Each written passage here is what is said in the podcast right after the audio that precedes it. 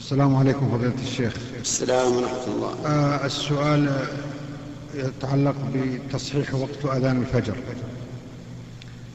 وكما جاء في الحديث إن بلال يؤذن بليل فكلوا واشربوا حتى تسمعوا أذان ابن أم مكتوم فإنه لا يؤذن حتى يقال له أصبحت أصبحت. وهذا الحديث فيما نرى أنه مخالف لما عليه الناس في هذا الزمان. وكما تعلمون يأتي أحيانا من الأوقاف. يعني التأكد على المؤذنين بالتزام التقويم. وسبق يعني أن تكلم بعض الأخوان وطلبة العلم في هذا وما أدري ما رأيكم في هذا. جزاك الله خيرا. رأينا أنه لا طاعة لمخلوق في معصية الخالق. وأن الإنسان إذا تيقن أن الفجر لم يطلع حرم عليه أن يؤذن لأن الوقت خطير. إذ لو أن الإنسان أذن قبل الوقت بدقيقة واحدة وصلى وكبر أحد من الناس على أذانه تكبيرة الإحرام قبل الوقت فإنه لا شك أنه يكون غر الناس وأوجب أن يصلوا قبل قبل قبل الوقت. آه المؤذنين آه فضيلة الشيخ مجبرين. ولو أحدا تأخر عن المقرر في التقويم لا استدعي إلى الأوقاف وأخذ عليه التعهد وال ويعني ما في حكم. وأوذي. والله على كل حال الواجب النظر في هذه المسألة.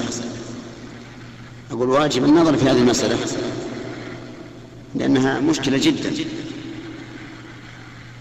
والذي يظهر لي أن أن أذان الفجر في كل أوقات السنة في فيه تقديم في تقديم خمس دقائق في كل أوقات السنة.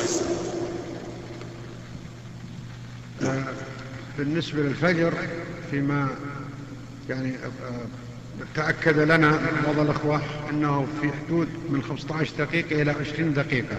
يسبق الوقت. وكذلك الظهر بعض الأخوان أفاد أنه يتقدم على التقويم أنه يتقدم عشر دقائق حتى تزول الشمس كما جاء في الحديث.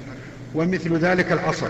العصر قدم ويقدم العصر في موجب تقديم الظهر. وخلاف هذا الأمر أهل المدينة لا يستعملون تقويم أم القرآن يستعملون تقويما ينشر شهريا على المؤذنين في المساجد؟ نعم هذا سمعت أن أهل المدينة لا يعتمدون على التقويم تقويم القرى لأن فيه خلل. ولكن أرى أن يا أخ عبد العزيز عبد الله أن يبحث الأمر. بحثا دقيقا. ولو أنكم آه، عرفتم الموضوع تماما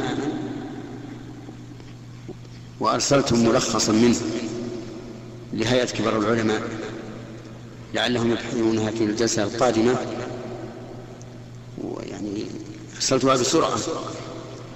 قلت هذا أمر ليس بالهين أما المغرب فالظاهر أن أنهم المغرب. قريب قريب الصواب. نعم.